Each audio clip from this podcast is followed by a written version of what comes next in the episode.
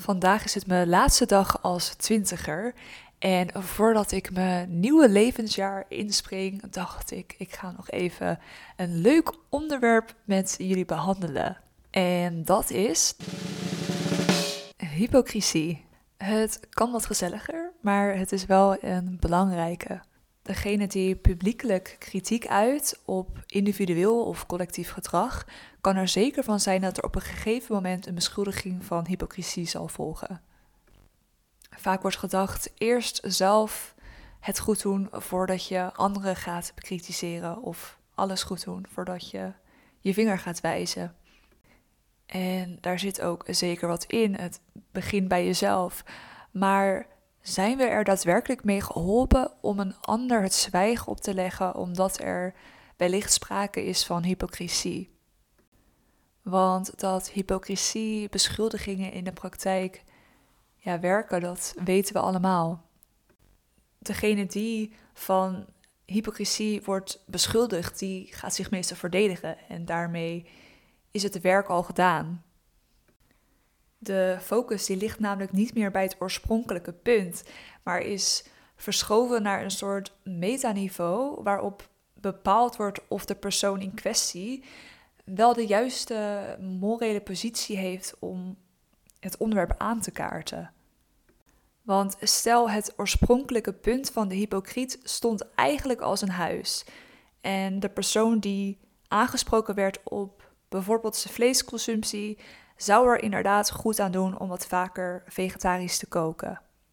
Of degene die bijvoorbeeld bewust of onbewust aan body shaming doet, zou er goed aan doen om meer begrip te hebben voor een ander. Maar door de aantijging van hypocrisie bereikt het gesprek dat punt niet. De hypocriet wordt verondersteld de morele positie niet te bezitten om, ja, om zijn kritiek te uiten, omdat hij of zij bijvoorbeeld andere dingen doet die niet goed zijn voor de planeet of een ander. En dus gaat degene die wordt aangesproken vrij uit. Daarbij heeft diegene voortaan het perfecte schild. Zelfs als hij of zij het in principe eens is met de kritiek, kan hij uh, ja, zich verschuilen achter de ontoereikende morele positie van de ander, om zo dus ook geen zelfreflectie te hoeven doen. dat is dan ook precies de reden dat we hypocrisie niet langer moeten inzetten als een excuus om inhoudelijke gesprekken te vermijden. Laten we ons in plaats daarvan wat meer openstellen voor de inhoud van de kritiek en dat ook wat minder persoonlijk zien te nemen en daardoor de metadiscussie te laten voor wat hij is. Zou ik inderdaad minder vlees moeten eten? Heb ik die nieuwe kleding echt nodig? En zo ja, dan doet het er niet toe wie dat zegt. Verantwoordelijkheid dragen voor het eigen gedrag, dat geldt voor beide partijen in een discussie, hypocriet of niet. En laten we eerlijk wezen, hypocriet zijn we allemaal wel eens. Laat ik mezelf als voorbeeld nemen. Ik vind het belangrijk dat we ons inzetten voor een betere wereld. En hierbij doe ik dan op een inclusievere samenleving waarin we bijvoorbeeld harder werken aan duurzame oplossingen en meer stilstaan bij de korte en lange termijn gevolgen van onze acties. Maar tegelijkertijd woon ik in Indonesië en vlieg ik minimaal één keer per jaar op en neer naar Europa. En ook nu ik hier ben, doe ik meerdere tripjes met het vliegtuig. Ook heb ik een lange tijd veganistisch gegeten en ik was ook best wel uitgesproken over waarom dat zo belangrijk is. Maar inmiddels doe ik dat zelf ook niet meer. En ik shop ook zeker meer kleding dan nodig. En een ander random voorbeeld is dat ik me bijvoorbeeld heel erg kan storen aan mensen die zich niet proberen in te leven in anderen of aan mensen die veel zeuren, maar weinig actie ondernemen. Terwijl ik me er zelf soms dus net zo goed schuldig aan kan maken. Ook sta ik er een soort van voor dat iedereen zichzelf mag zijn en zichzelf um, mag omarmen. Maar als er vervolgens een pot eikel voor me staat, dan denk ik niet, jij bent goed zoals je bent en ehm, omarm lekker jezelf. Dus kort gezegd, ik kan regelmatig klagen over gedragingen waar ik me soms ook schuldig aan maak. Of ik kan me afgeven op systemen waar ik even goed onderdeel van ben. En ehm, ja, in onze moderne samenleving zijn we vaak onderdeel van verschillende systemen, zoals politieke, economische en sociale structuren, die complex en onderling verbonden zijn. En deze systemen zijn vaak gebaseerd op bepaalde regels, normen, waarden. En omdat individu individuen in deze systemen functioneren, kunnen er momenten zijn waarop hun gedrag niet overeenkomt met de idealen of principes die ze in abstracte zin ondersteunen. Er zijn dus verschillende redenen waarom mensen zich soms hypocriet kunnen gedragen in een systeem.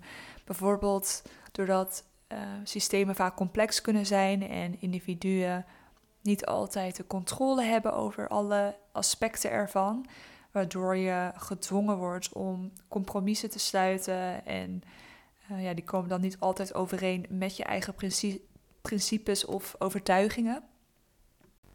Daarnaast bestaat ook de druk van sociale normen. Soms kan het moeilijk zijn om je volledig te onttrekken aan deze normen, zelfs als ze gewoon in strijd zijn met persoonlijke overtuigingen.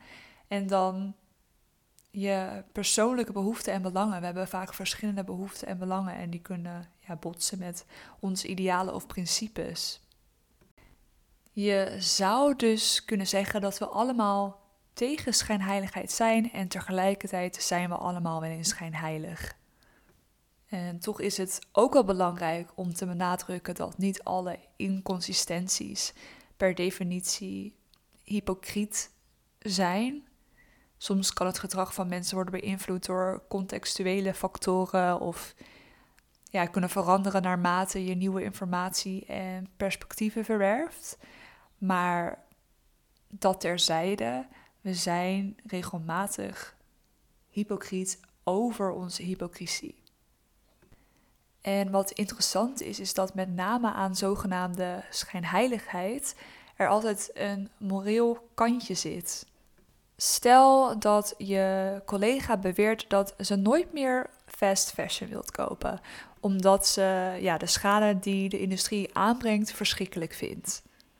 Als je haar dan tijdens de sale in de H&M tegenkomt, vind je haar vast en zeker een hypocriet. Maar stel ze had beweerd dat ze geen fast fashion koopt omdat haar huid gaat kriebelen van synthetische stoffen of whatever. En als je haar dan allemaal synthetische kledingstukken in haar mandje ziet gooien, dan denk je gewoon: wat een weirdo. Wat betekent dat inconsequent gedrag dus alleen hypocriet is als het in een ethisch sausje is gemarineerd. En het morele aspect van schijnheiligheid verklaart waarom we het stiekem ook heel lekker vinden om iemand van hypocrisie te beschuldigen. Want iemand die het zogenaamd beter lijkt te doen, die valt door de mand en blijkt opeens ook maar een doodnormaal persoon te zijn. En het ontmaskeren van zo iemand, dat geeft dubbel voldoening. Het toont aan dat anderen niet beter zijn dan wij en dat wij misschien wel beter zijn dan de ander. Omdat we zogenaamd tenminste eerlijk zijn. Als een CEO beweert dat zijn bedrijf gendergelijkheid belangrijk vindt, bijvoorbeeld, haalt een journalist er gegarandeerd het jaarverslag bij om te controleren of de raad van bestuur wel precies evenveel vrouwen als mannen telt. En wanneer een politicus stelt dat onze klimaatafdruk kleiner moet worden, dan durven critici meteen of hij of zij wel vaak genoeg met de fiets naar het werk gaat. Of kijk naar al die bekendheden die een heel recent voorbeeld is. Ik denk dat de meesten dat wel weten, maar dat er echt online zo'n aanval is op Haley Bieber. En dat heeft er volgens mij ook mee te maken dat alles wat zij doet, zo erg, daar wordt zo erg op ingezoomd en dat wordt zo erg in de gaten gehouden dat mensen, omdat zij een beetje perfect beeld neerzet en als daar dan cracks in komen, dan gaan mensen daar gewoon heel lekker op. In ieder geval, ons hypocrisie-detectiesysteem, om het maar even zo te noemen, die staat altijd op scherp. En het allerbelangrijkste wat ik daarover wilde zeggen is dat die constante focus op hypocriet gedrag maatschappelijk gezien dus een enorm nadeel heeft. Want bij elk verwijt van schijnheiligheid verdwijnt het echte onderwerp uit beeld. En er wordt niet meer over de kwestie zelf gesproken, maar alleen nog over de personen die zich daarmee bezighouden. En uh, ja, ik geloof zeker in dat dat stuk ook belangrijk is om naar jezelf te kijken en practice what you preach. Maar onze extreme gevoeligheid voor hypocrisie en onze afkeer ervan, die zorgen er wel voor dat een aantal van de grootste problemen van vandaag maar niet opgelost worden. En daarom denk ik dat we er zoveel meer mee geholpen zijn als we onze hypocrisie accepteren en wat relaxter met onze schijnheiligheid omgaan. En hierdoor kunnen we meer praten over de zaken die er wel te doen en dus gezamenlijk naar oplossingen toewerken. Oké, dat was hem. Als jij nog een mooie toevoeging hebt of een heel ander perspectief hierop, dan uh, ben ik daar heel benieuwd naar. Stuur me gerust een berichtje. Ik zet mijn username er even in de show notes van Instagram. En dan wens ik je nog een hele, hele mooie dag.